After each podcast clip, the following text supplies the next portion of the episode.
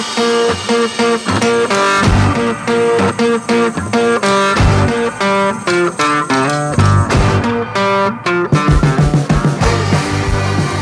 og velkommen til en ny episode av Bakrommet. Jeg heter Anders Johansson, og med meg i studio i dag så er Marius eh, Jacobsen.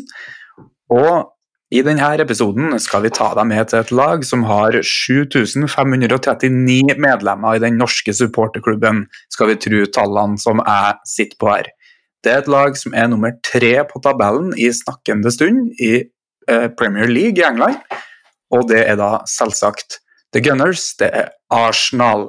Og nå har vi fått sett en del kamper av Arsenal, eh, Marius, og gleder, oss veldig til å ta deg gjennom den neste ja, skal vi si timen. Skal vi sikte på noe sånt? Eh, Vi, vi klarer aldri å holde det vi sikter på uansett, så vi, vi kan like gjerne si en time fra start. Ja, så er det ingen som blir skuffa her. Nei, det er jo en, også et lag med en eh, nordmann til kaptein, og det er jo ganske stort i seg sjøl. Og vi føler jo det på høy tid vi omtaler det laget her nå, som eh, over flere sesonger har imponert, men ikke helt uh, fått til å dra det over målstreken. Da. Så klar, ferdig, kjør, kan vi egentlig si nå, til ny episode med Bakrommet. Så, hvor skal vi begynne, Marius? Eh, nei, skal vi gå rett på sak, eller skal du fortelle litt om åssen uh, Vindbjart gjør det om dagen? Ja, vi må begynne å vase litt først. Ja, Vindbjart, vi må ikke glemme eh, fjas. Ja, vi må ikke glemme det. Jeg, jeg, nå fikk jo jeg ansvar for introen i dag, så jeg ble jo altfor sånn programlederstil her nå. Så um, nei, vi i Vindbjart vi vokser og trives, vi. Og det går eh, ganske bra. Nå har jo snøen begynt å smelte. Vi har hatt den første fullverdige treningsøkta ut på kunstgress nå, så det var jo utrolig deilig.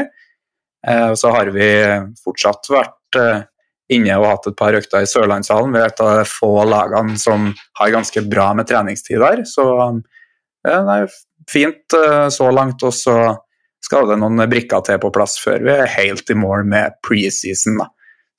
Men det hjelper å få, få eh, trent ut og kjenne på de sikre vårtegnene der, altså. Og når det er vår i Kristiansand og det begynner å nærme seg til sommer, så er det jo klart det, det kribler litt til seriestart. og sånn. Så nå er det noen morsomme treningskamper som gjenstår, mot uh, Fløy bl.a. Fløy Flekkerøy, som er en uh, kjent og kjær eh, rival. Og det samme gjelder jo Mandalskameratene. Og først ut så er det Trauma nå på lørdagen, så vi, vi holder det gående og tar ikke noe vinterferie, vi. Enn dere? Stjørdalsblink? vi, vi tok akkurat vinterferie, så det eh, Akkurat i tide til eh, at godværet kom til Trøndelag, så det sitter og sett ut på helt blå himmel i hele dag. Og det, da skal det bli godt å komme seg ut på en liten skitur for, eh, for den eh, ene gangen i år, da. Du, jeg var faktisk uh, ute på ski eh, både i går og foregårs. Uh, fantastiske løyper oppi der svigers har hytte. Og som jeg heller ikke vil ha lyst til å si hvor er hen, for da flytter alle sammen dit eller bygger seg hytte her. For når jeg sto opp ganske tidlig, rundt sjutida for å gå ut på ski der ja, litt senere, da, en litt sånn snikskryt her samtidig, så var jeg den første som gikk i nypreparerte løyper. Og um, da, det var luksus, altså. Det var det. Så um, det anbefales. Jeg har ikke kommet meg ut på ski ennå i det hele tatt. Nei, nei, det, det blir det første, men det, jeg, jeg skaffa meg noen, eh, noen eh, 50 kroner ski fra Finn her i fjor vinter og tok meg en tur da, og så blir det en tur i, i år òg, tenker jeg. Så det Noe mer enn det, det, det tar jeg meg ikke tid til. Det, Har ikke du sett uh, er ikke 1920 god nok til kamper av. Girona, så hadde du vel kanskje fått tida til å gå på ski òg, men uh, ja, det handler om prioriteringer. Ja, Um, det er det.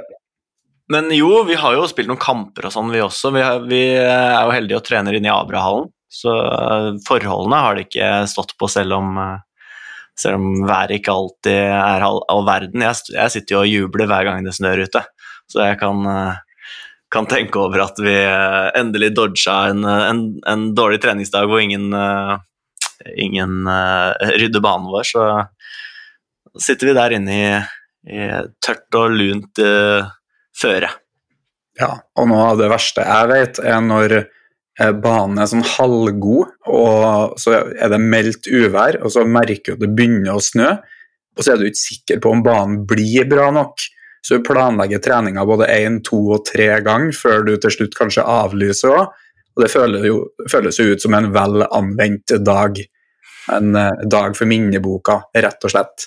Så um, det, det, er jo noe med å bare ha dem innendørs sånn, det er jo veldig, veldig kjekt, egentlig, for planlegginga sin del, uh, syns nå jeg, da, sånn sett.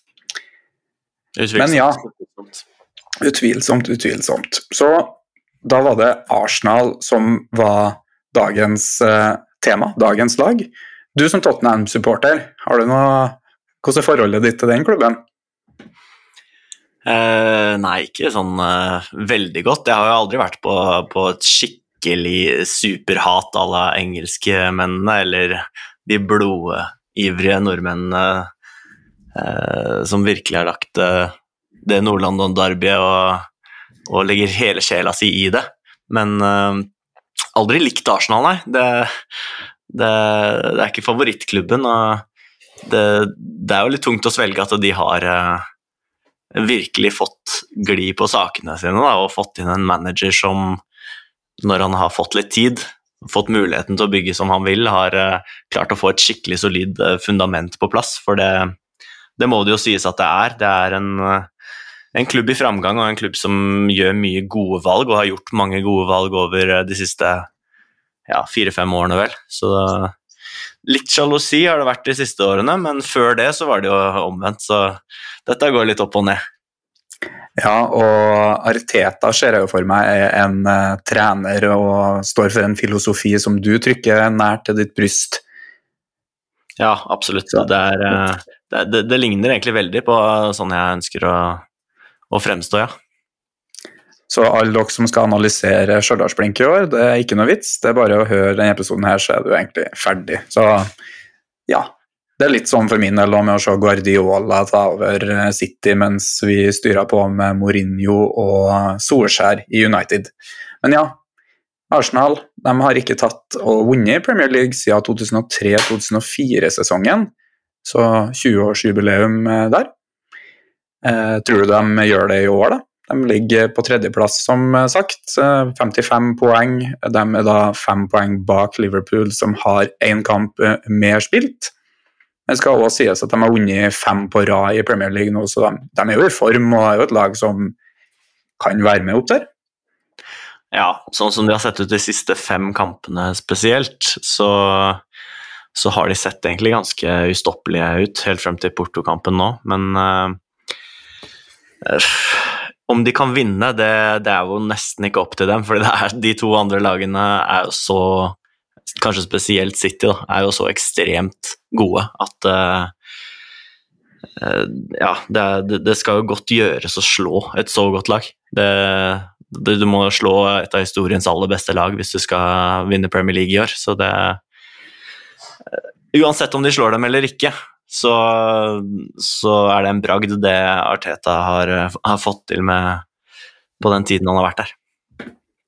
Ja, må jo si det, må jo si det samme. og var veldig imponert. og det Mannskapet han har, er jo ikke i samme klasse som Manchester City i det hele tatt. Og det kan man jo kanskje se litt på at spillere som etter hvert ikke har blitt vurdert gode nok for City, har havna i Arsenal. Og Eh, har gjort det bra der for all del, men det, det, skal jo da egentlig være et styrkeforhold som eh, tikker veldig i favør Manchester City, og det, det, har det vel også vært eh, siste. Men ja, City har jo hatt litt skader og sånt hit, hit i sesongen, så er ikke noe det kan jo skje, det har jo skjedd sykere ting. Så, um, og City er jo bare ett poeng foran Arsenal med like mange kamper spilt. Så um, det blir spennende å se hvordan det her går. Du føler at det er i hvert fall tre med i kampen om det akkurat nå. Villa er såpass langt bak at de ikke kan regnes med i samme kategori, men det er fortsatt en del kamper som gjenstår. og Det er tre gode lag der, der uansett. Så nei, det blir gøy. Um, hvis vi ser litt på andre tall, så har Hvis tallene mine stemmer, så har de 51,0 i expected goals. Og den tabellen topper de jo. Var det forventa basert på de siste kampene du har sett, og, eller de kampene du har sett og den researchen du har gjort uh, til nå? Hva jeg har hva for noe? Uh, altså, Gir det mening at de har høyest expected goals? Det skal sies at den er akkurat den samme som uh, City sin, da, med 51,0, men nei, ja. nå, nei, nei, nei, nå snakker jeg jo tull. Nå, nå snakker jeg jo helt det, det ble helt feil. skal vi se. Det, det, er faktisk Liverpool som har høyest, ja, 58,8. Så det kom inn eh, en oppdatering siden sist jeg sjekket, og jeg tror uansett det har vært eh, feil. Så, men de uh, skårer ganske høyt, da, med 51,0. Akkurat det samme som City, som vi sammenligna dem med. Eh, de har flest touch i boksen til motstanderen i løpet av sesongen. 1002. Eh, Spurs er på andreplass med 931. Det er ganske mange flere òg, vil jeg jo si det da er, eller signifikant flere. De har skapt 75 eh, store sjanser. De er på fjerdeplass der. Og Arsenal skårer 2,3 mål per kamp. Det som er litt spesielt, og som man kanskje ikke forventer når man ser én Arsenal-kamp, er at de har færrest innslupne mål på 0,9 per kamp. Og slipper til utrolig lite. Og de har holdt nullen hele ti ganger i Premier League. Um, hva tenker du rundt tallene når jeg ramser dem opp sånn her?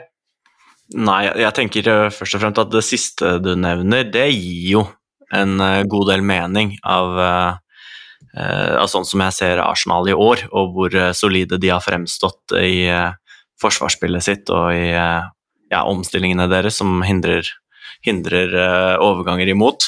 De har, de har en backrekke som er så solid at når de, når, de, da i tillegg i sommer klarte å kapre til seg Declan Rice til å fylle opp den foran den backrekka der med hans uh, andreballspill, duellspill og eh, generelle evne til å plukke opp alt mulig som detter rundt omkring eh, Forsvaret, og lese situasjoner eh, når det plutselig ender opp med ubalanse. Og den fysiske evnen til å løpe opp, eh, dytte bort, rett og slett være helt eh, bajas og i veien for alt som er av motstandere, så er det ingen overraskelse at de er eh, Eh, gode til å forsvare mål. Ehm, litt mer overraskende at de skårer så mye, men det er jo mest fordi det, det er et lag som ikke Jeg føler ikke de sender De tar ikke så altfor store sjanser i å sende mange folk i angrep. Uh, og sånn jeg ser, uh, ser, Arsenal, de er utrolig gode på å flytte ballen og skape fordeler med den, men uten å ta de helt store risikoene og sette seg selv i ubalanse og Eh, ja, dermed slippe til farlige omstillinger imot. Mm. Det kan jo òg nevnes at de har eh, tredjeplass på antall ballvinninger på siste tredjedel. Eh, som òg tar og kanskje oppsummerer litt hvordan de forsvarer seg. I og med at de slipper inn veldig få mål, og de vinner ballen ofte. Det er jo på en måte best of both worlds, vil jeg jo si. Og det er jo et lag som oftest prøver å presse høyt. Det, det, er egentlig et av de lagene som sammen med Spurs Spurs var vel de som toppa den tabellen, eh, så lenge jeg husker rett her nå. Så er de jo på fremfoten i presset og ønsker å eh, vinne ball og ønsker å fremprovosere en pasning eller aksjoner under tidspress til motstanderen hele tida. Altså presse videre på keeperen hvis det spilles støtte der, så lenge de er i balanse. Og eh, hvis du verken slipper inn mål eller har få ballvinninger, altså du har mange ballvinninger og du slipper inn få mål, eller nesten ingen, da, så er jo det to kvalitetsmarkører for den typen forsvarsspill Arsenal prøver å få til. Så de har jo sluppet inn færrest i Premier League, 22 baklengsmål. Liverpool har 25 og City har 26 som betyr at de har faktisk bedre målforskjell enn Manchester City. Så ja, det er ganske imponerende i seg, i seg selv, da, med tanke på det de har stått for de siste årene.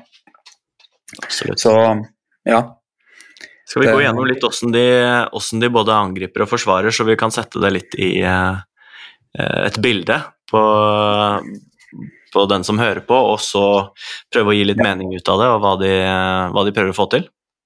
Men hvis du prøver først å gjøre det så enkelt som mulig, med at du nå i løpet av to-tre setninger oppsummerer det så enkelt at til og med bestemora mi, som har lovt at du skal høre på denne episoden her, hun har egentlig ikke det, men hvis du hører på bestemor, så skal hun få med seg sånn generelt hva, hva skjer, og hva er forskjellen på dem og et annet lag. Ja, jeg syns Arsenal de er eh, de er eh, bedre på å velge om de skal presse knallhardt, altså om de skal sprinte, eh, eller om de skal stå og vente på riktig mulighet til å presse. De, de, de kommer sjelden i en, en sånn presseubalanse hvor de setter seg selv i problemer ved å eh, presse halvveis. Og så er de gode offensivt til å lese, litt sånn som Girona, til å lese rom og lese hvem som skal fylle hvilke rom, eh, og skape utfordringer ganske eh, dynamisk eh, i forhold til en del andre lag som driver med såpass posisjonsspill som det, det Arteta gjør. De, de har mange spillere som kan fylle de samme rommene, og Spesielt nå, da, etter at, de har begynt å til og med bruke Ben White til å, til å kose seg inne sentralt sammen med resten, så er det vanskelig å lese hvor, skal, hvor den neste sentrale trusselen kommer fra for Arsenal. Eh, men den aller viktigste tingen for min del, når jeg ser på Arsenal, og hvordan de eh, angriper, og hva de gjør annerledes enn andre, eh, det kommer fra kantspillerne. Eh, og det kommer fra at de er ekstreme på å angripe sideveis innover i banen med kantspillerne. Eh, og komme seg ut av kantsituasjoner som de fleste andre ikke kommer seg ut av. De lar seg aldri presse ned mot linja, eh, men kommer seg inn i mellomrom fra siden og vender spillet motsatt. Og så har de gode én-mot-én-spillere med både fart og kreativitet til å kunne utnytte at de da, etter en sånn rask spillvending fra én side til den andre, eh, får mye rom å jobbe med. Eh, så den måten de kommer seg inn igjen fra utsiden, og utnytter det ved, med gode én-mot-én-ferdigheter på andre siden, den, eh, den syns jeg utmerker seg fantastisk jobb med å bruke to-tre setninger på å forklare Arsenal til bestemora mi, Marius. Jeg, jeg kunne aldri klart å forklare til bestemora mi fotball. Jeg skal helst si takk for det. Eh, la oss si nå at uh, du hører på bakrommet for første gang fordi at du er Arsenal-supporter og du nekter å høre på noe som ikke handler om Arsenal spesifikt. Uh, og i hvert fall ikke episoder om Tottenham. Eh, så hvis vi bare begynner sånn, eh, hva er posisjonsspill? Fordi det er jo eh, sinnssykt viktig begrep å kunne når du hører på en episode om Arsenal, tenker jeg. Altså sånn enklest mulig forklart, og for dem som vil ha det vanskeligere forklart, eller ikke vanskeligere forklart, men mer detaljert forklart, så er det masse skriverier om det her på nett. Jeg ville anbefalt mitt eget intervju, overraskende nok, med Kai Bardal, som ligger på fotballdukke.wordpress.com. Det er en bra start. Kai er veldig flink til å forklare det enkelt. Men uh, Marius, hva vil vi si til dem som hører på for første gang? Uh, hva posisjonsspillet er, mener du? Ja. Nei, da Hovedprinsippet er vel det å kunne fylle rom ganske, på ganske rasjonelle måter. Eh, og dekke banens bredde med så gode vinkler som mulig Eh, til å begynne med, og ha det som et utgangspunkt for hvordan, hvordan du eh, velger å angripe med ballen videre. Da. Ja, og du søker å sette opp fordelaktige situasjoner, og gjerne det som kalles eh, posisjonsfordeler. Og numeriske fordeler, altså overtallssituasjoner. Der du hele tida skal prøve å ende opp med det som til slutt blir en slags posisjonsfordel, ved at du er, bare har ballen eller får ballen på et sted som er fordelaktig opp mot motstanderne i det nærmeste området. Eh, et eksempel er jo hvis du eh, får ballen i mellomrom, altså, og da forbi to midtbanespillere f.eks., og får den da i rommet bak dem, så er jo du nærmere målet du skal angripe og dem skal forsvare, og sånn har du en fordel. Og ved at uh, spillerne er posisjonert ut ganske jevnt over banen, er jo da ofte casen i posisjonsspill. Uh, rasjonell, rasjonelt, som du sa, og veldig sånn uh, symmetrisk ofte. Trenger jo ikke å være det, men det vil ofte være det.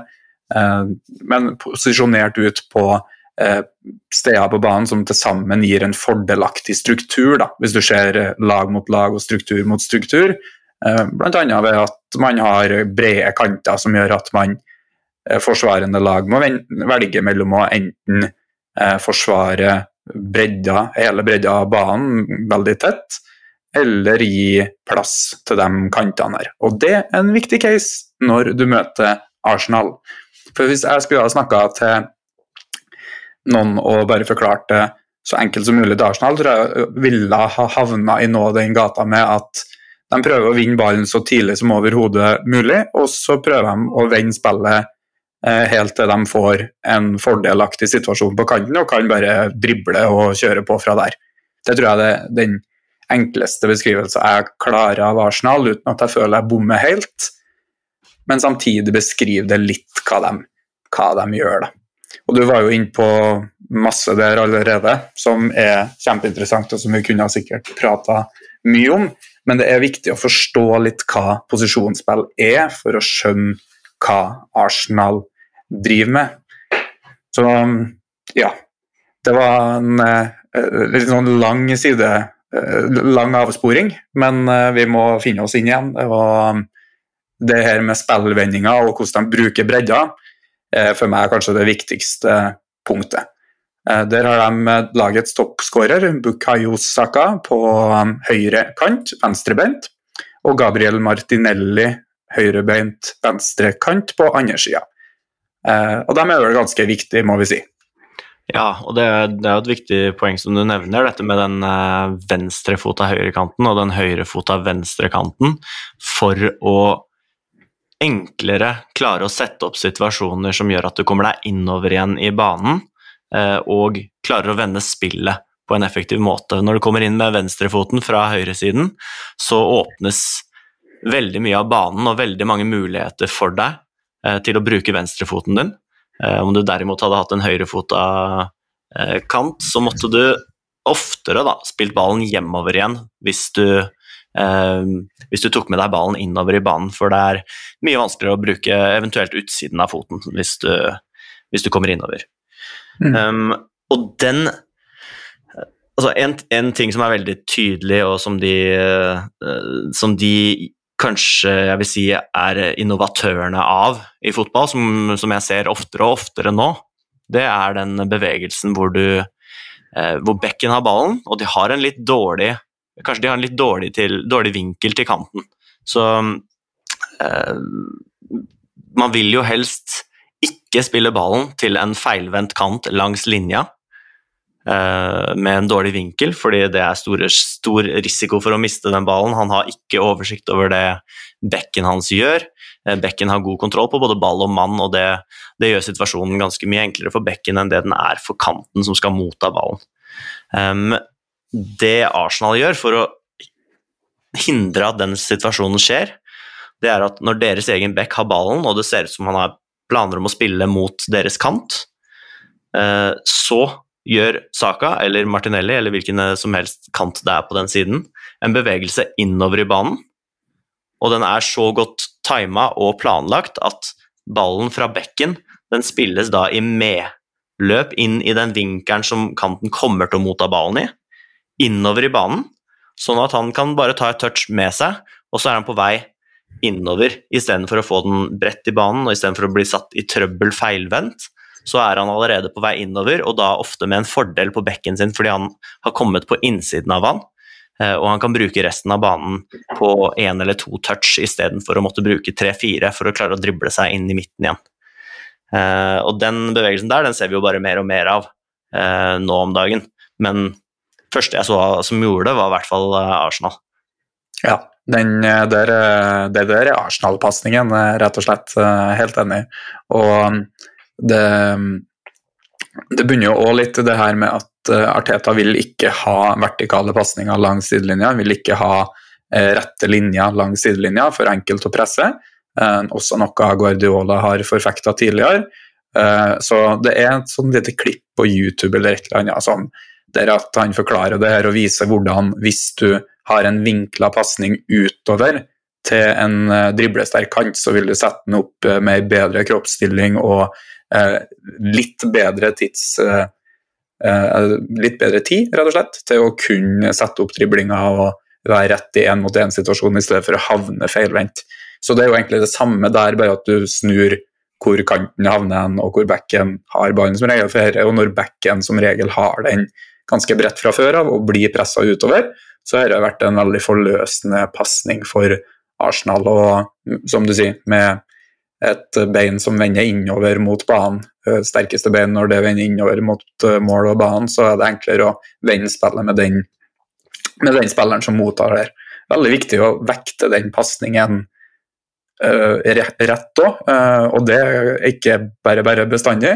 Timinga der er jo helt uh, avgjørende før det plutselig er en sentral midtbanespiller og plukker opp den der, eller at det blir altfor seint, i og med at bekken blir pressa og du rekker ikke å slå pasningen. Så um, den der, uh, det er jo én sånn finurlig ting de har gjort uh, på det her med spillvendinga. Det andre, kastene deres. Der har de en sånn standardkast med at man kaster til en spiller som kommer fra ganske høyt i banen, og kaster bakover i banen der han springer mot eget mål og vender spillet der. Porto eh, så jo den kampen i morges, som sagt, eh, til deg i stad. Eh, så de klarte faktisk å hindre det et par ganger, men da skjøv de fryktelig mange spillere over. Og var veldig bevisst på at det var det Arsenal prøvde å gjøre. Så mm, det er òg en sånn ting der de har vært litt frem i skoa og gått eh, foran. Det er jo ikke det eneste laget som har gjort akkurat det kastet der, men det er to ting som Arsenal gjør veldig ofte, som er sikkert gjenkjennbart for både den eh, nerdete typen som følger med oss, og dem eh, som hører på oss for første gang her. Ja, men, ja. det er veld, veldig, eh, veldig passende med kantprofilene de har. At de skal klare disse kvikke, hurtige spillvendingene. Um, det, det vil jo være mye raskere, så klart, og skape større fordel på dems motstanderback hvis man klarer å vende spillet fra helt motsatt på så få sekunder som overhodet mulig, um, mens du fortsatt har kontroll uh, i forhold til det å måtte spille rundt, og motstanders back rekker altså jo, jo, flere pasningslinjer du klarer å stenge, jo saktere går det å, å, flytte ballen, og jo lettere er det for en, en uh, motstanders backrekke å skyve over og ødelegge den fordelen du egentlig har.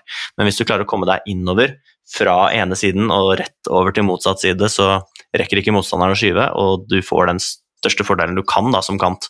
Og når du har de kantene som du har der, med Saka og Martinelli, med den farta og den timinga og tyngdepunktet, eh, avslutningsferdighetene, så, så passer det veldig godt at de er gode på akkurat det.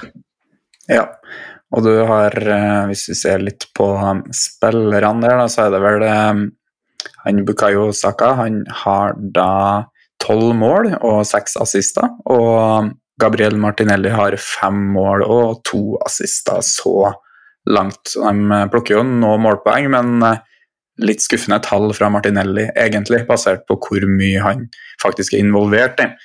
Eh, det der er jo noe vi kan ta en svipptur tilbake til eh, etter hvert. Eh, men vi kan jo først snakke litt mer om hvordan de angriper ellers også. Og et kjennetegn, vil jeg si, ved posisjonsspillag, hvis du kan kalle dem det, er at trenerne har, som trener på den måten her, de har enten sterke meninger om eller den mest rigide treneren i et sånt eh, system har både meninger, sterke meninger om hvor spillerne bør være posisjonert på banen, og hvem som bør være hvor. Og så har du noen som er litt mer fleksible, der at det er fortsatt viktig i hvilke rom som blir fylt, men hvem som er der litt mindre betydningsfullt. Så hvis vi begynner litt der på hvor du, du, sa jo nettopp at uh, Saka og Martinelli de er høyt og bredt i banen, og det er kjempeviktig for Arsenal sin spillestil. Hvor er da resten? Altså, hvor, hvordan posisjonerer de seg ut? De er jo lina opp i ofte 4-4-2 eller 4-3-3, men det ender ofte opp med å bli litt de samme strukturene off og defensivt, uansett hva det står på papiret, vil jeg si. Um, ja. Ja. 4-3-3 på papiret står det som regel, um, men uh, med da et utgangspunkt at Martinelli ligger bredt til venstre og Saka ligger bredt til høyre, uh, at de spiller med en spiss i de fleste tilfeller. Eh, det finnes tilfeller sånn som mot Liverpool, hvor de velger å spille med en falsk eh, spiss, og ikke en, ikke en spiss i det hele tatt, eh, for å skape et større overtall nærmere ballen. Men som regel så, så starter de med en spiss høyt og sentralt.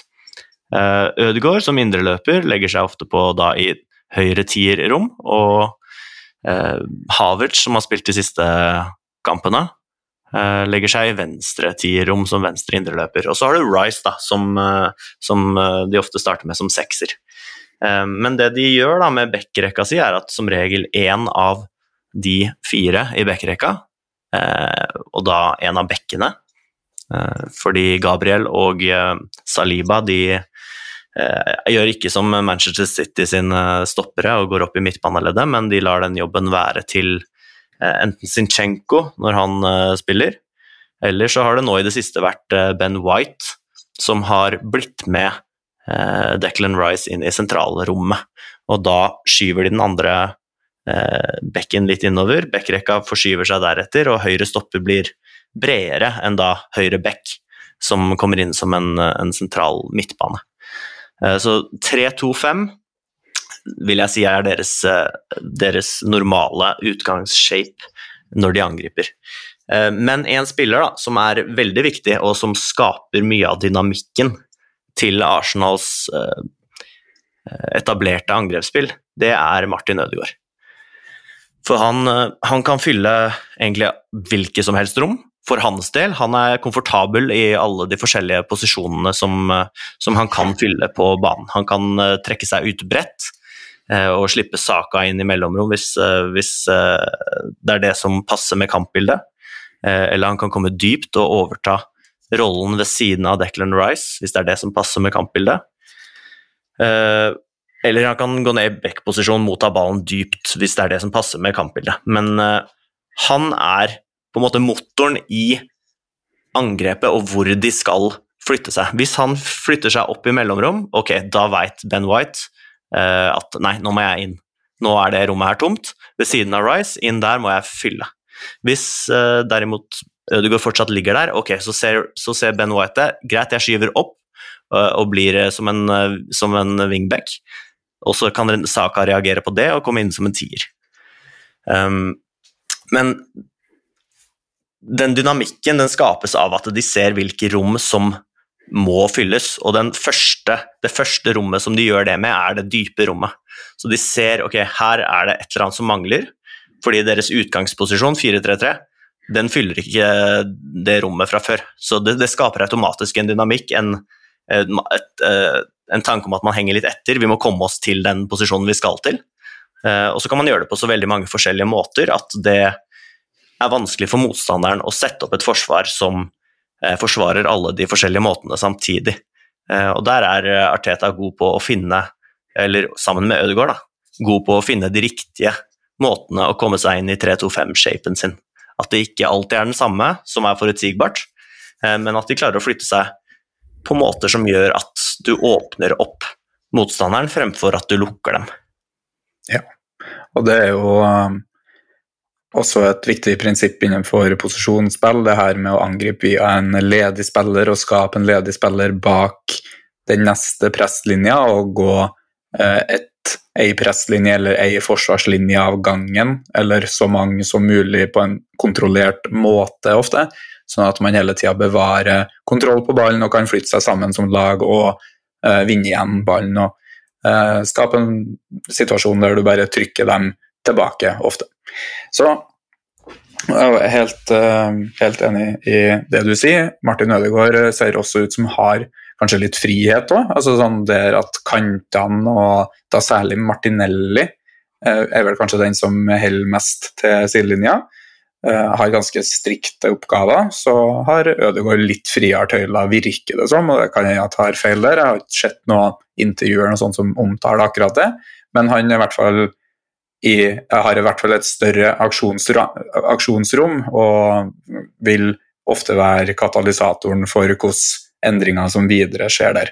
Så må jeg si at Personlig så er jeg ingen stor fan av Arsenal sine angrep på høyresida når Eh, ben White kommer rundt og Saka kommer inn tidlig, for jeg mener at angrepene deres er bedre når de starter ved å sentre ut på Saka ganske tidlig, eller Martinelli tidlig.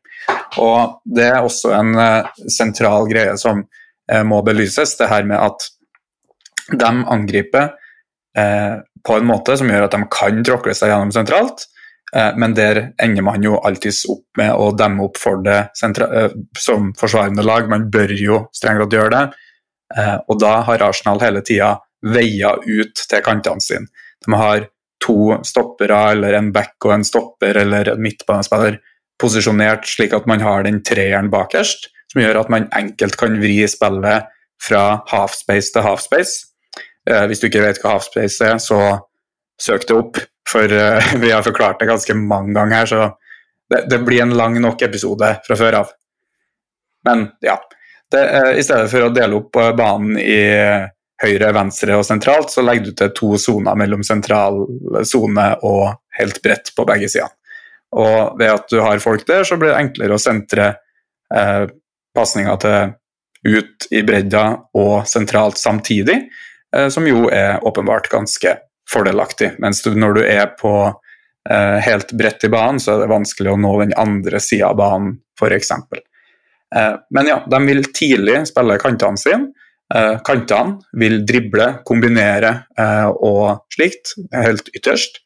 Enten så får de en én-mot-én-situasjon, den tar de, de takker, de bukker og de går. Eh, enten hele veien gjennom helt til de skaper noe, eller får corner eller et eller annet sånt. Ellers så gjør de det i så stor grad at forsvarende lag må komme med sikring og flytte flere mot ballen. Og da er de i en struktur som gjør at de lett kan vri spillet igjen, om ikke fra det eksempelet vi snakka om i stad, med rett fra kant til kant, som jo er noe de også gjør med jevne mellomrom. For de er flinke til å drible seg inn i banen, men også via flere spillere. og Eh, strukturen og de spillerne de har, gjør at de hele tida i en spillvending kan også bare gå enten tilbake eller fort bare droppe og vri spillet helt ut til andre sida, men spille gjennom sentralt i stedet underveis. Eh, der Martin Ødegaard er jo en av eh, verdens kanskje beste mellomromspillere, vil jeg si. Og de har noen ferdigheter der som de kan utnytte underveis i spillvinning. Så det å vende spillet er nok er ikke et mål i seg selv, men det er noe Arsenal er veldig bevisst på. og De gjør ofte for å få én-mot-én-situasjoner, og eventuelt kanskje to mot én også i enkelte tilfeller, helt ytterst på sidene. For møter du Saka og Martinelli når de har litt rom og de er rettvendt, og du ikke har særlig sikring og sånt, så trenger du litt hjelp, faktisk, fra høyere makter og sånt, som regel. Med mindre ja, du er en veldig, veldig god én-mot-én-spiller. Og selv på det nivået der så er de bedre offensivt enn backene de møter er defensivt. For dere der er en fordelaktig situasjon for en god angrepsspiller. Så um, vi har jo et eksempel vi har tatt her før, det er jo Trent Alexander Arnold mot Martinelli, som virkelig har fått kjørt seg et par ganger og måtte jo byttes ut for å få inn en bedre én-mot-én defensiv spiller. Så um, det er sånn Arsenal prøver å skape ting. Eh, det er to ting jeg har tenkt på når jeg har sett masse kamper her nå. Det ene er at de får altfor lite ut av situasjonene sine.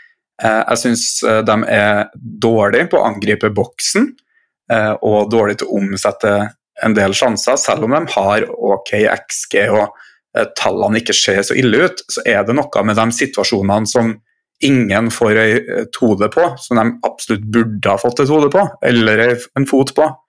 Det er tingene som bare ebber ut ingenting. Det syns jeg de har vært eh, Det er noe jeg føler jeg ser igjen ganske ofte. Og Saka har skåra en del mål, men han har en del sjanser også, eller potensielle situasjoner der Haaland hadde skåra hver dag i uka, f.eks. Nå er ikke de direkte sammenlignbare, men ja. Eh, det har litt med hvem man legger inn til også. Og det andre, og det som vi kan trekke tilbake til Girona-episoden, er at når Martinelli og Saka kommer seg forbi på utsida, som de oftest gjør, og de får alltid nok tid til å slå et innlegg, så slår de med nest sterkeste bein, som jeg bruker å kalle det. Og for når jeg trener spillere, så har jeg aldri kalt det for feil bein, for da venner de seg til at det er feil bein eller dårlig foten, liksom. Så er det nest sterkeste beinet. Men uh, det høres veldig corny ut når jeg sier det nå, hører jeg. Men Jeg likte det. Ja. Takk, takk, takk. De, de er Jeg har to utrolig neststerke bein. Du har det? Ja, ikke sant? Du har to, da. ja, ikke sant. Nei, vi har um, det, det, er påfallende hvor mange situasjoner de skaper sånn som det ikke blir noe av. Uh, for det første så er kvaliteten på innleggene litt dårlig. Det andre er at sånn som Martinelli er vel kanskje den som kommer seg forbi flest gang uten Han har jo dårligere tall, f.eks. på assister uh, og mål. Han kommer seg forbi flere ganger der uh, innlegget mangler en del greier. Da. Eh, nå har ikke jeg mange situasjoner som er finstudert, bare et par. Så er det som at han konsentrerer seg så mye om å bare få innlegget et sted foran mål, at han ikke søker, altså kikker opp og ser mellom den siste touchen og innlegget, og heller ikke foran de to siste touchene, eller mellom de to siste touchene før innlegget. Da. Så med mindre du er heldig og vet hvor folk er og sånt, så vet han ikke hvor folk er. Fordi han, eh, han, han, ser det i hvert fall ikke, virker det som. Og det kan han jo rette seg til da, på måten han løper på. Han løper jo med, når han er utfordrer, med den verdens mest krumma rygg. Ja. Hodet er jo rett ned i bakken, det er ikke rart han ikke ser noe. Nei. Uh, så nei, Det var jo bare noe jeg tenkte på. Det er ofte når jeg sitter og ser kampene og så ser jeg en sånn situasjon, tar den på nytt igjen og på nytt igjen, så er det jo lett å tenke at er, sånn er det bestandig, men det er jo ikke nødvendigvis sånn. Så jeg får vel noen meldinger fra Arsenal-supporterne hvis jeg bommer totalt der, men uh, jeg, jeg, kan jo tilby en liten uh, tanke om hvorfor det hvorfor de, de, ikke skaper det helt store da, i disse situasjonene som du snakker om. Er, de kommer seg til mange sånne muligheter til å skape noe, og så sier du at eh, Men det er sjelden det blir noe av. Eh, de har ikke Kanskje innleggene mangler litt kvalitet. Eh, men det jeg syns mangler, er jo at de Eller mangler og mangler. De, de er veldig forskjellige da, fra f.eks. Girona Eh, med at Girona gjerne angriper med mange spillere, fordi de også vet at innlegget kommer. Um, men Arsenal velger jo kanskje å ikke angripe med så mange spillere, fordi de ønsker å beholde den kontrollen og den, eh, det, det, det, overtallet bak som gjør at de slipper færre mål inn enn det de eh, absolutt ønsker å skåre. og det har de jo slitt litt med i år, da, med at de, de har ikke helt fått den store uttellinga Eh, før det har løsna mye nå i det siste, så, så var det en del 0-0-kamper og, og, ting som ikke helt uh, helt hang sammen. Og, og, jeg mener jo at det har litt med at de, at de ikke angriper med veldig mange. De angriper ofte med de fem som er satt i den 3-2-5-shapen. Og én gang iblant så kommer så kommer eh, Ben White rundt på en overlap. Eh, men det blir jo aldri det farligste av eh, den grunn. Ehm, men det, er sjelden det skjer så mye fra den andre sida at, at Gabriel blir med videre opp i angrep fra sin venstre stopperposisjon, eller at de to dype går så mye ut av sine posisjoner for å angripe boksen. Ehm, og det andre er jo at de har ikke så mange boksspillere der fremme. De har mange boksspillere når de både forsvarer og angriper cornere, men Eh, det er forsvarsspillerne deres som er boksspillerne. Eh, og Havertz er jo signeringen som skulle fikse på dette, og han har jo til en viss grad gjort det. Eh, men det mangler fortsatt en del bokstrussel når innleggene kommer. Og når det ikke er noen bokstrussel der, så kommer det kanskje færre innlegg, og så stoler man kanskje ikke på løpene som er der, og velger å vende opp isteden. Og det er jo et bevisst valg sikkert av Arsenal å ikke ta de helt store risikoene og slå inn i alle mulige vinkler og uh, situasjoner, fordi de, de, ser at de har andre kvaliteter enn en det Girona har, f.eks. Ja, og det skal sies at uh, Arsenal angriper på en veldig bra måte, og det gjenspeiles jo både i tabellposisjon og expected goals og mål og assister, og ikke minst innslupne sjøl også. Så det er jo en effektiv måte mot veldig mye. Eh, og så er det bare det med at man Eh, har små ting man kan justere på. Jeg syns heller ikke at eh, Jesus og dem som springer inn, uavhengig om du slår inn en, et kort innlegg, en pasning altså en langs bakken, eller om det er et tidlig innlegg Jeg syns ikke innløpene er særlig bra. Et eksempel jeg så her i, tidligere i dag, så uh, springer to på nøyaktig samme steder. Han fremste aldri kikker rundt seg, på en måte. Som gjør at ja, det blir egentlig ingen sjanse, for det er lett å forsvare seg mot. Og så har de jo, Når de først lykkes, så blir det jo veldig store sjanser av det. De, de slår jo ikke inn på måfå, de vil komme seg så, så nærme mål før de gjør det. Og hvis ikke, så vrir de bare spillet igjen. Så um, det som er morsomst, syns jeg, å se på, er jo hvor offensiv og rå de er i én-mot-én-situasjonene. Eh, der det er få den ut på én mot én og kjøre så litt den United-kampen eh, på Emirates eh, her i går, tror jeg det var.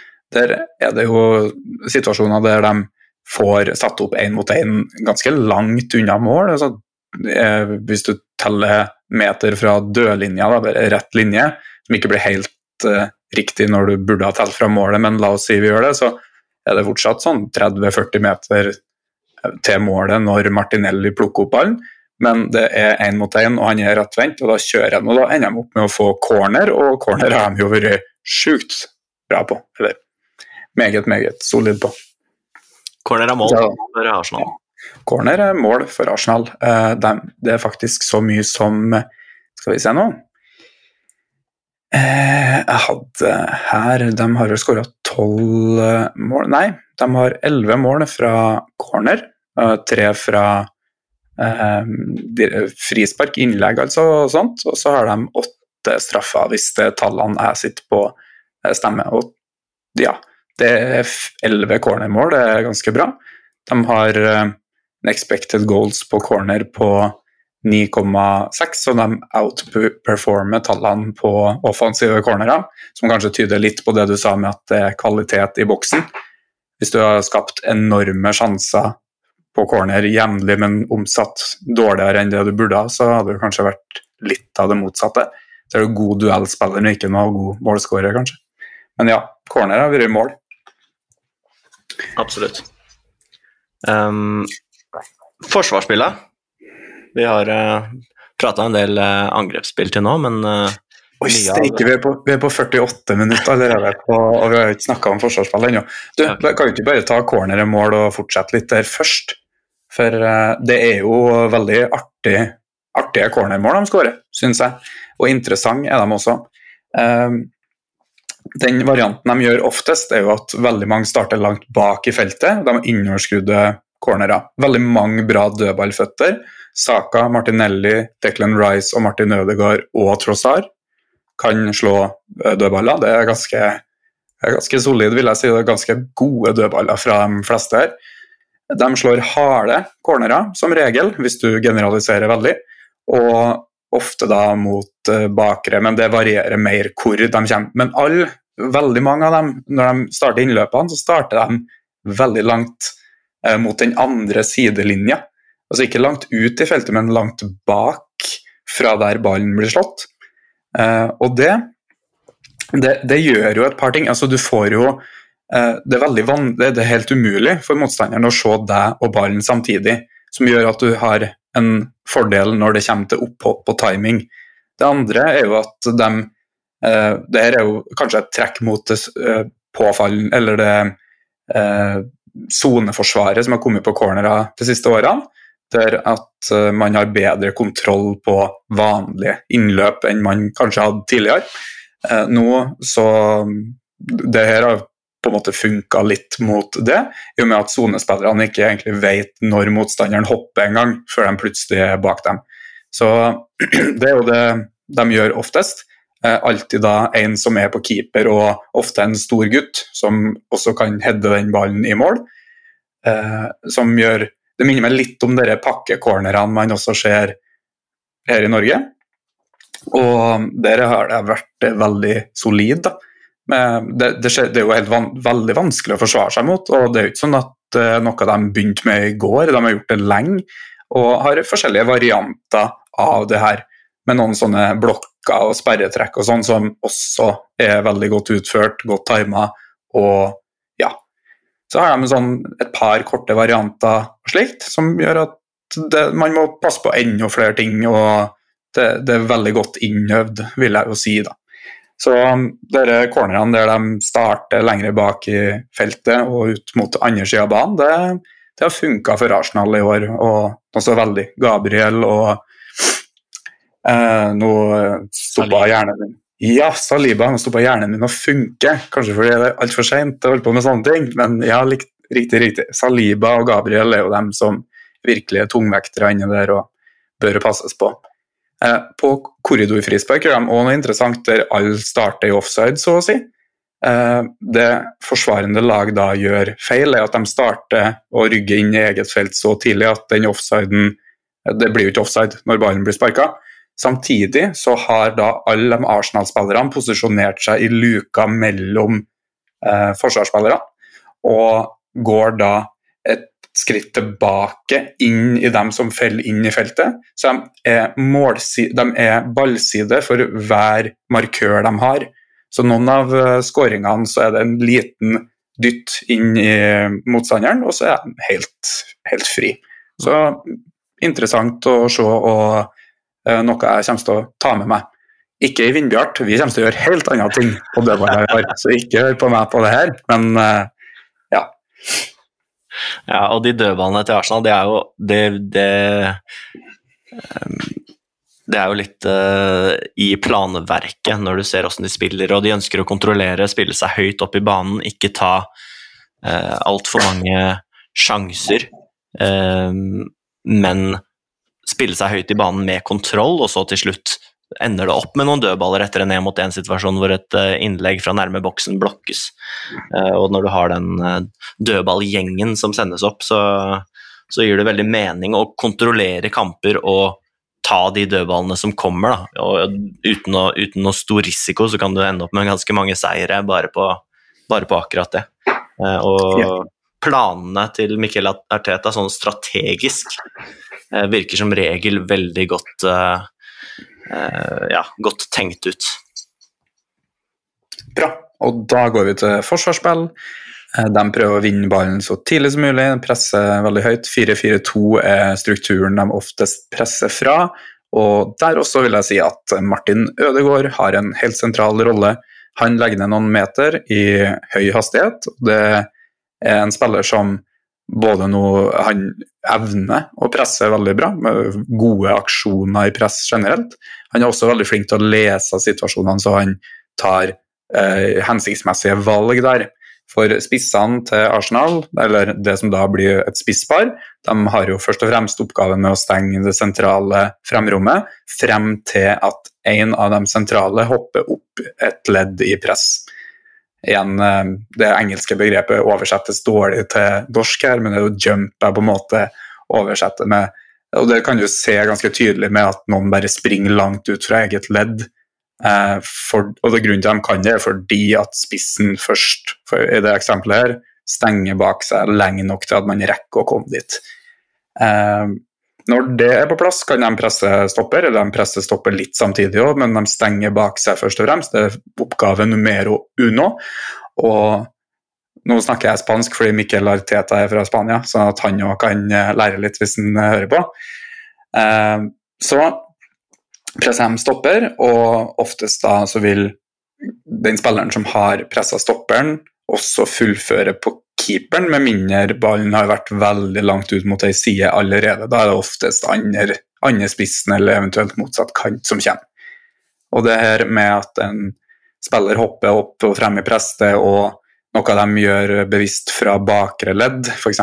på noen femmetere så er Saka i en annen posisjon enn Martinelli fordi at enten White eller Zinchenko, og da ofte Zinchenko kanskje, eller oftest Zinchenko kanskje, spørs, jeg vet ikke, jeg er litt usikker, jeg har sett litt av begge deler, men en av dem kommer opp og presser backen bak kanten, som da eventuelt har fått en rolle med å presse en stopper, f.eks.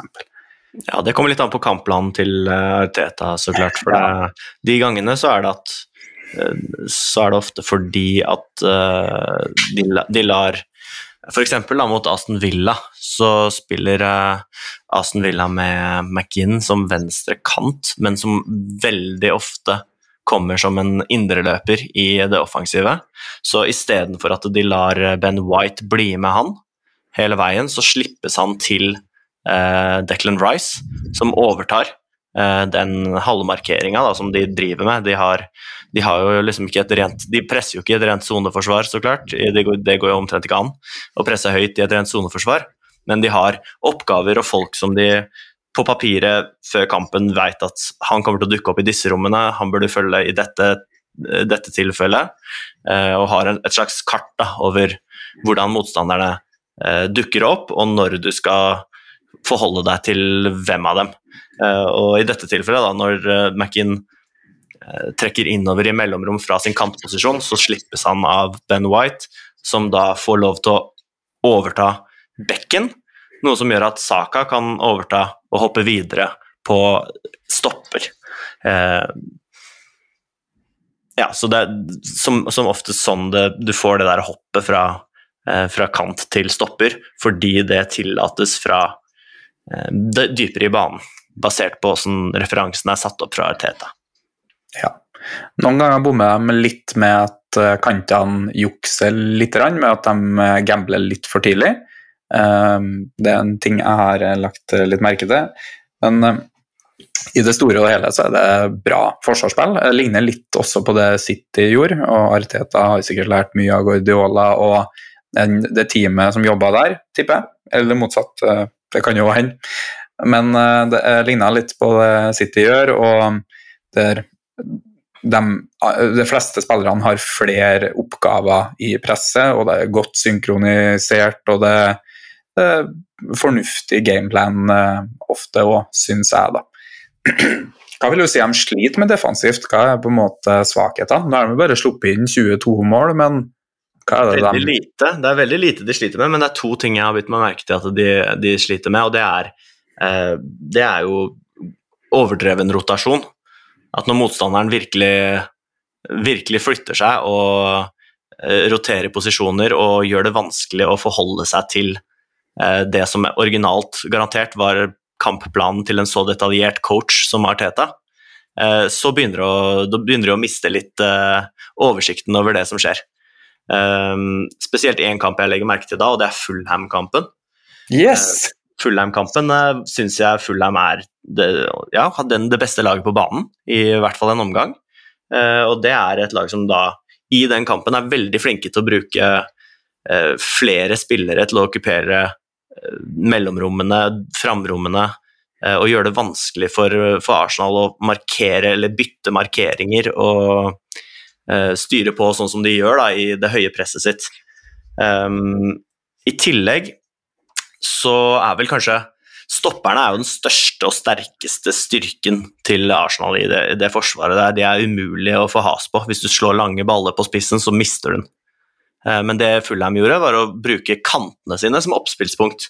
Uh, og dermed utfordre bekkene til Arsenal, som da var Zinchenko og Ben White, i Eh, duellspillet for å kunne bruke dem som oppspillspunkt og, og spille tredjemannspasninger ned på rettvendte spillere derfra, istedenfor å gjøre det på spissen.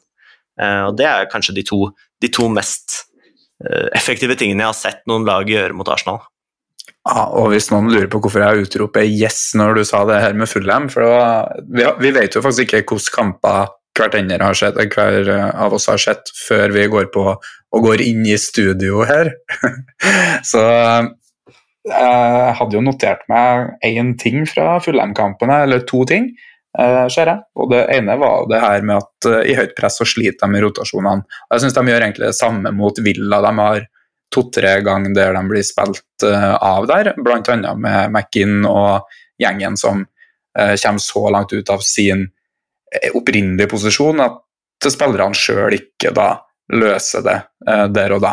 Og en annen ting de sliter litt med, er jo når stopperne splitter, i og med at spissene veldig ofte har ansvaret for å presse stopperne. Samtidig som de skal stenge sentralt, så blir den veien utrolig lang ut. Eh, og da ville det vært bedre å eh, gitt et større ansvarsområde til kantene. Men jeg tror ikke eh, Bukayo Saka er det samme som Bernardo Silva i den oppgaven, så mulig Arteta bare velger da å være litt mer passiv. Altså da venter vi heller, i stedet for at vi kjører spissene tidlig ut, eller at kantene må presse um, mye hardere. Så, en av de tingene jeg sa tidlig i episoden også, at jeg syns de er veldig gode på å bedømme om de skal sprinte eller om de skal vente.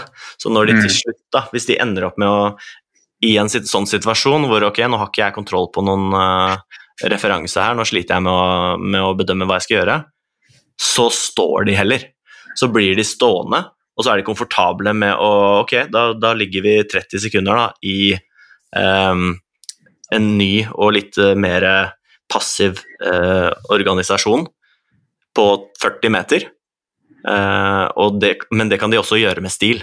Det er ikke sånn at de er redd for å gjøre det, de er tålmodige også der. Um, og så når de først presser, så sprinter de. Da er det, hvis du, hvis du ser Ødegaard sine aksjoner i press, så er ikke det 40 eh, løp for å bare vise seg litt. Det er sprinter, og så er det sprinte videre på nestemann hvis han får muligheten til å bruke momentumet sitt. Ja. Uh, og Det, det syns jeg er, liksom, det, det er Arsenal enorme på. Stå og dekk, og dekk rom, eller sprint hvis du skal presse. Mm. Og så er det vel Når de da har litt sånn markeringsoppgaver på um, kantene i noen situasjoner der eh, f.eks. Saka følger backen sin veldig, så kan de jo være litt sårbare for rotasjoner i lavere strukturer og slite med at de kan bli baktung sånn sett. Ikke at de har blitt det, men sånn i teorien så kan det være en ting. Men um, jeg er helt enig i det med at man de, Særlig Ødegaard er utrolig flink på det her med å legge press videre på neste pasning og bidra sånn at man, ja, motstanderen virkelig får dårlig tid. Da. Har du fått motstanderen til å spille en støttepasning, så er jo ofte dem i dårlige offensive posisjoner fra der ballen kommer til å komme. Så de må jo flytte seg noen meter for å være i gode posisjoner. Hvis du da bare ikke nøler og springer veldig fort, så vil du stenge pasningslinjene før de rekker å åpne dem.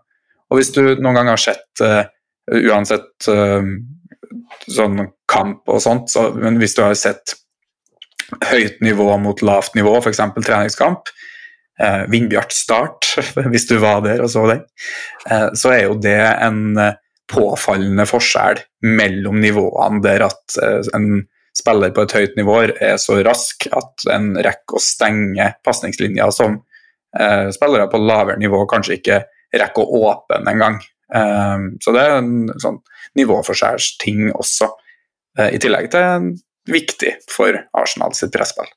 Men ja.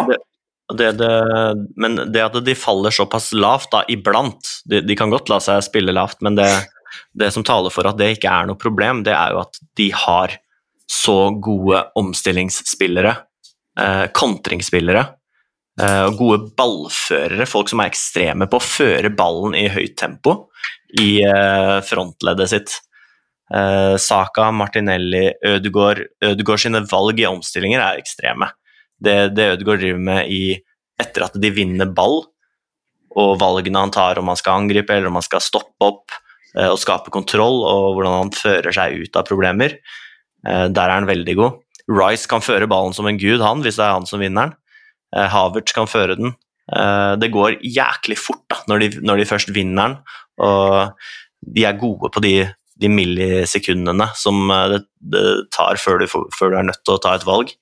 Um, og de er gode på å føre ballen fort, så da, da blir kontringene farlige. og det, jeg tipper de har ganske mange kontringsmål i år, hvis, uh, hvis man skulle sett på det. Ja. Jeg vil jo um, kanskje si at uh, Zinchenko én mot én defensivt er en liten liability. Jo, nå snakker jeg jo veldig mildt her, men eh, mot uh, Sala f.eks. så blir han jo avkledd, og det er vel uh, en av hans sine svakheter i, i den rollen, kanskje. Og um, jeg, jeg, liker jo egentlig han i den rollen når eh, Artetas Arsenal spiller. Jeg syns det funker egentlig bedre enn med White.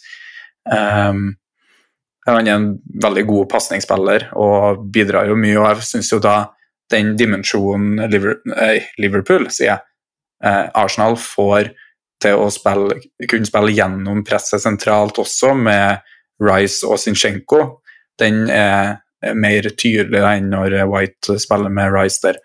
Og um, Det er litt som når Trent Alexander Arnold og, uh, går innover i banen. at Det blir vesentlig enklere med en sånn type spiller. Og han har også de samme svakhetene, så det er jo ganske, uh, ganske likt sånn sett. Vet du om han er skada nå, eller om det er hvorfor det er Kivior som har spilt de siste fire kampene? Du, det vet jeg faktisk ikke. Det er jeg litt usikker på. Um, nei, det får vi sikkert tyn for nå, men det får vi bare tåle.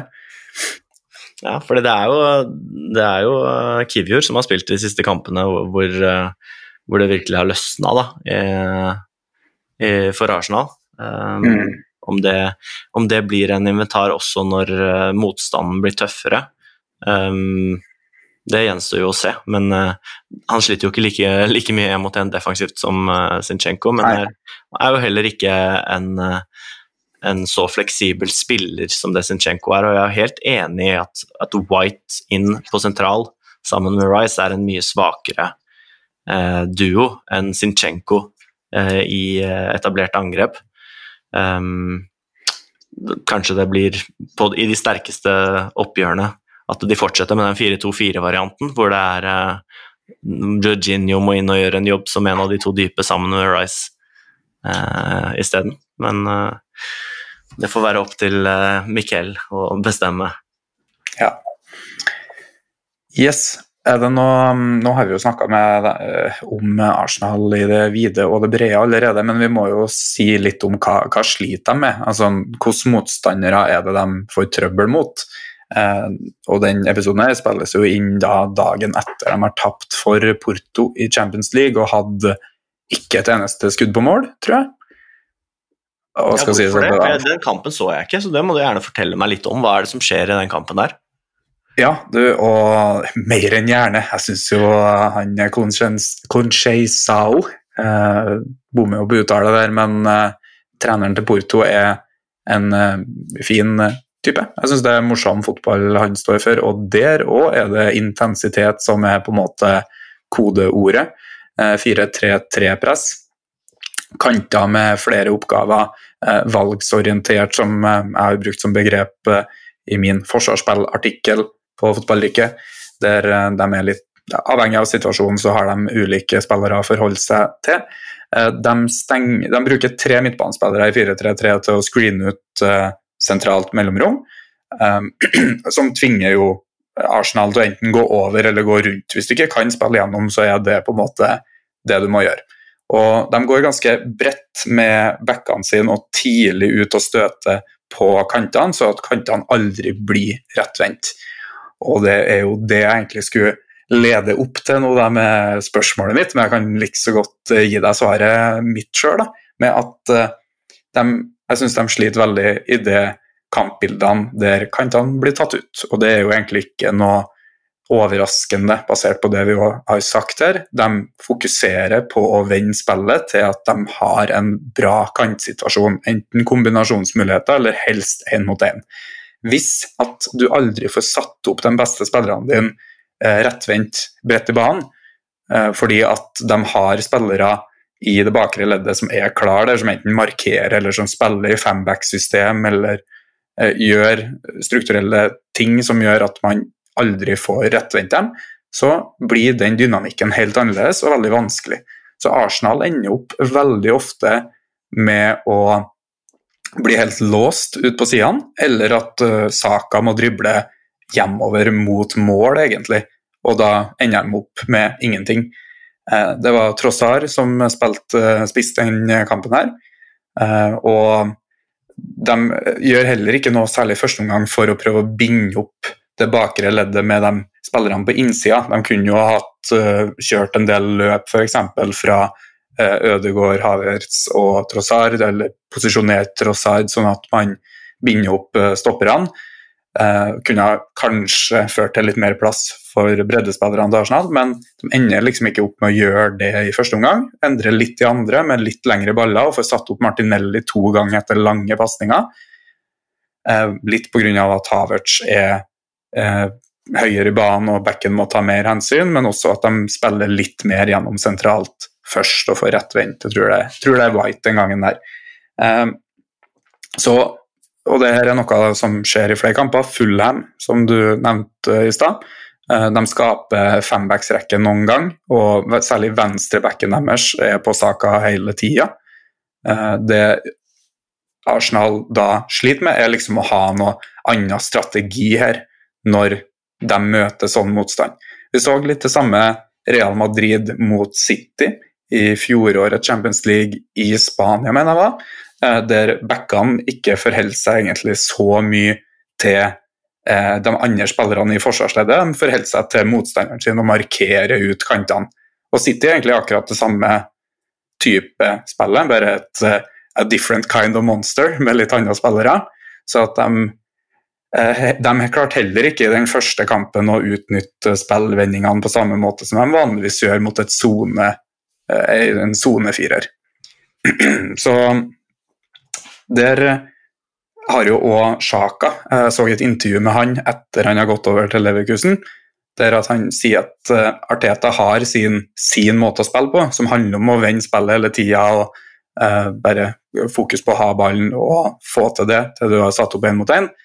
Eh, der han Shabi Alonso er mer fleksibel og kan gjøre litt mer forskjellige ting da, i angrepsspill. Det er jo der jeg kanskje savner litt fra eh, Arsenal, både i mannskapet, med at altså, at Haaland er toppspissen til City, gjør at de har flere ting de kan spille på, dem også enn å bare spille rundt helt til de kommer helt rundt. De kan også bare gå over eller gjennom ganske mye tidligere. Uh, og samme med Liverpool, som inverterer med Trent Alexander Arnold, der de da både kunne gå rett ut bredt på Sala, eller uh, tre seg gjennom med McAllister og Arnold og dem i mellomrom der. Så den, jeg føler de savner en, lit, en ekstra dimensjon da, på en eller annen måte. Uh, enten ved at de blir enda flinkere til å utnytte sentrale kombinasjonene, som uh, mange av de lagene vi har beskrevet her før, har vært. Eller at de har spiss, en spisstype som gjør at de kan eh, angripe mer direkte, eller at uh, indreløpertypene også angriper mer direkte, og at de har en mer strategi om å gå over dem eh, og angripe og overloade den siste linja, fremfor å gå, gra gå gradvis fremover. Det var noe City og eksperimenterte litt med mot Liverpool i et par oppgjør gjennom årene her, der at presset til Liverpool var såpass bra at den vanlige strategien til City ikke var så effektiv lenger. Så klarer man å nulle ut vingene til Arsenal, så er halve jobben gjort uh, defensivt, syns jeg. Men hva, hva, med denne løsningen hvor de uh, har ballen på bekk og vingen eh, skjærer innover før ballen kommer og han får den i medløp? Ble den brukt i løpet av kampen her, eller var det noe de, de klarte å nulle ut, det òg? Han klarte egentlig å nulle ut det også, for der kom jo indreløperne i det rommet i en eh, stor fart. Rett og slett? Ja, og det, det, var liksom En annen ting var jo hvordan han brukte frontleddet også, med at Eh, ofte ville kanten på ballside prøve å stenge pasningen ut også. Som gjorde at enten så måtte Det ble egentlig aldri sånn den pasningen ble slått, egentlig. Og både fordi de var posisjonert ganske smalt fra børjan av og ville bare gått rett til en indreløper, men de sleit òg med å sentre til eh, kanten med pasninger som enten altså, som både var kort nok og fra gode vinkler.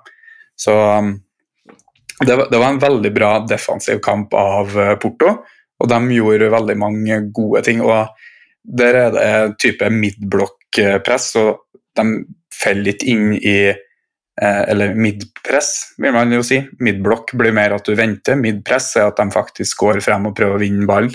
Eh, de faller ikke inn i 16-meteren med mindre de må, og dytter ut med stopper på ballside og sørger for å låse Arsenal bredt. Så jeg fikk jo en teori med at eh, de vil altså, I mange kamper kan da Arsenal få trøbbel mot fembacksrekka. Så har ikke jeg fått sett så mange kamper av fembackslag, men jeg fant den Sporting Lisboa-kampen fra Europaligaen fra i fjor, tror jeg det var. Det, er så lenge siden jeg har møtt et fembackslag? Nei, jeg tror ikke det er det. Eh, men det var den jeg bare så inn på fotball ja, og så at der er det fembacks. Der vet jeg det er fembacks, så jeg kan se litt på hva de gjør da. Og da de sliter jo litt med det. det og det vil òg være naturlig for dem å slite litt med. Eh, jeg, jeg tok jo det her enda et takk videre for å se eh, kanskje det som er det beste eksempelet på det her, da, med å eh, nulle ut lag som vender spillet og prøver å sette opp vingene sine. Det er Atletico mot City på Etihad i 2022. Det er herrens år. For det spiller de jo 5-5-0, der de gir fra seg presset på ballføreren sentralt uh, ofte, altså på stoppere sentrale, på dype uh, i enkelte situasjoner, men aldri i fremrom og aldri i mellomrom. Og de får heller ikke vende spillet ut på kanter for å rettvende dem. Og um, da får du noen spørsmål som trener, og jeg vet ikke om Arteta sitter på noen mange andre svar enn å gjøre plan A bedre. Og så er ikke alltid det kanskje er den beste strategien når du har en kampplan fra motstanderen som er 100% og null ut din. Da. Nei, jeg, ser, jeg, ser, jeg, bare ser i papirene mine her, på de ti kampene jeg så, de ti siste kampene, så ser jeg at uh, den, uh, det eneste laget som vel spilte med fem bak, det var Crystal Palace. Ja. Uh, det ble en 5-0-seier. Men, ja, men, men, det som skjer da, det er jo at de Når motstanderen legger seg så lavt, så får de et annet problem når de møter Arsenal, og det er jo at da kan det bli en del cornere. Så Arsenal skåra både 1-0 og 2-0 på dødball. Eh, og 3-0 på en kontring på Crystal Palace sin, sin eh, corner. Og 4 5-0 på to kontringer på slutten. Ja, deilig. Men ja, og det er ikke sånn at stille opp med fembacksrekke, så kommer du til å vinne. Eh, det dumt mot Arsenal å legge seg veldig lavt nesten uansett. Du bør heller prøve å ha forsvarslinja en del meter høyere, sånn at du er midtblokk, midtpress eh, fra børjan av, sånn at du kan hindre at dere én-mot-én-situasjonene ender med cornerer og sånt hele tida, for da taper du til slutt, mm. mest sannsynlig. Særlig mot et så godt dødballag. Og det er jo et tema vi har vært innom i veldig mange episoder med hvordan du forsvarer deg og hvordan du angriper, påvirker jo den sida der av, av, spillet også. Så um, nei, det um, Det kan jo være da at en grunn til at de ikke velger å spille med fembecksrekker mot Arsenal, er at de, eh, de truslene som en fembecksrekke eh, liker å ta seg av, nemlig de korridorløpene fra indreløpere eh, og en femmer imot seg, det skjer ikke like ofte mot Arsenal, fordi at de ønsker å involvere seg mer i eh, det dypere spillet og komme nærmere ballen, kanskje, med Ødegaard f.eks. Eh, og Havertz på andre sida. Sånn at du blir Du mister for mange spillere i, til å møte veldig få eh, i din egen struktur, til at du har noe håp om å få tak i ballen. Så en fembecksrekke er ikke sikkert er nødvendig, og at det holder med en firebecksrekke for å få stått tett i kantspillerne til Arsenal. Ja, faktisk. Og um, særlig når uh, indreløperne eller mellomromsspillerne til Arsenal er så dypt, som du nevner. Det er jo to ting uh, der med at de, uh, de kommer litt for langt unna til å kunne binde opp noen fra bakre leddet, som kan stå bredere. Det er jo også en greie de gjør antagelig bevisst for å sikre at de har en trygg progresjon, og det andre med at man du ser De vil veldig tidlig sette opp kantene når de rettvender seg i mellomrom også. Det er ikke sånn at de dundrer mot mål à la Messi og Iniesta-style, og så gjør de noe fra der. Det er rettvendt i mellomrom, ut på kanten, og så angriper fra her. Så ja, jeg er jo ikke ganske enig i den vurderinga. Eh, samtidig så eh, tror jeg for Eh, altså det, det, spørs hva du gjør i ei firebacksrekke. For veldig mange firebacksrekker så kan det være det absolutt verste du gjør mot eh, Arsenal. Altså, det avhenger litt av hvilke prinsipper du jobber etter. Og Da vil kanskje fembacks gjøre at du taper mindre hvis du taper, uh, spiller med firebacksrekke. Men ja, jeg, jeg ser, ser, poenget der, egentlig. Og det med at de har blitt så gode på dødball, er jo virkelig en styrke. Åpenbart.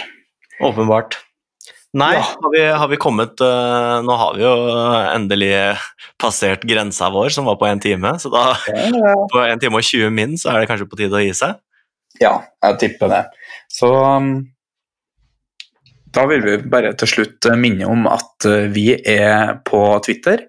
Uh, og du vet jo at vi er på den podkastplattformen du har hørt oss på nå, men vi er også på de aller, aller fleste andre. Uh, Twitteren vår heter Bakrommepod. Og gjerne følg oss og retweet og del og tjo og hei. Det setter vi stor pris på. Og gjerne gi oss tilbakemeldinger på hva du syns om denne episoden her, eller om hva du har lyst til å høre på senere. Og med det så Vil du runde av med noen ord? Ja, ja, nei, jeg kan runde av med hvis Martin Ødegaard hører på, så må han få litt skryt for de siste fem kampene og den kreativiteten og eh, det han har levert i eh, de siste kampene, har vært stort å se på og utrolig gøy å, å følge med på. Og da vil jeg òg si at det som er litt artig der, er jo at jeg har slått to fluer i én smekk den gangen i forberedelser til episoden. Fordi at jeg er jo med på et kurs som heter Spillerutvikler B, med et NFF-kurs Eh, og da er det en midtbanespiller jeg jobber med eh, til daglig, som eh, vil jobbe med første touch. Og da er Martin Ødegaard en veldig fin fyr å se til. Så jeg har jo Samtidig som jeg har lagra altfor mange klipp av Arsenal generelt, så har jeg lagra veldig mange av Martin Ødegaard på bare måten han orienterer seg før et mottak, og hvordan han tar imot ballen. og ja, Så takk skal du ha, Martin. Jeg regner med du hører på ja, en, god, en, god, rollemodell på alle mulige måter, han. Ja, akkurat som oss. Så takk for at du hørte på, og på gjensyn. Ha det godt.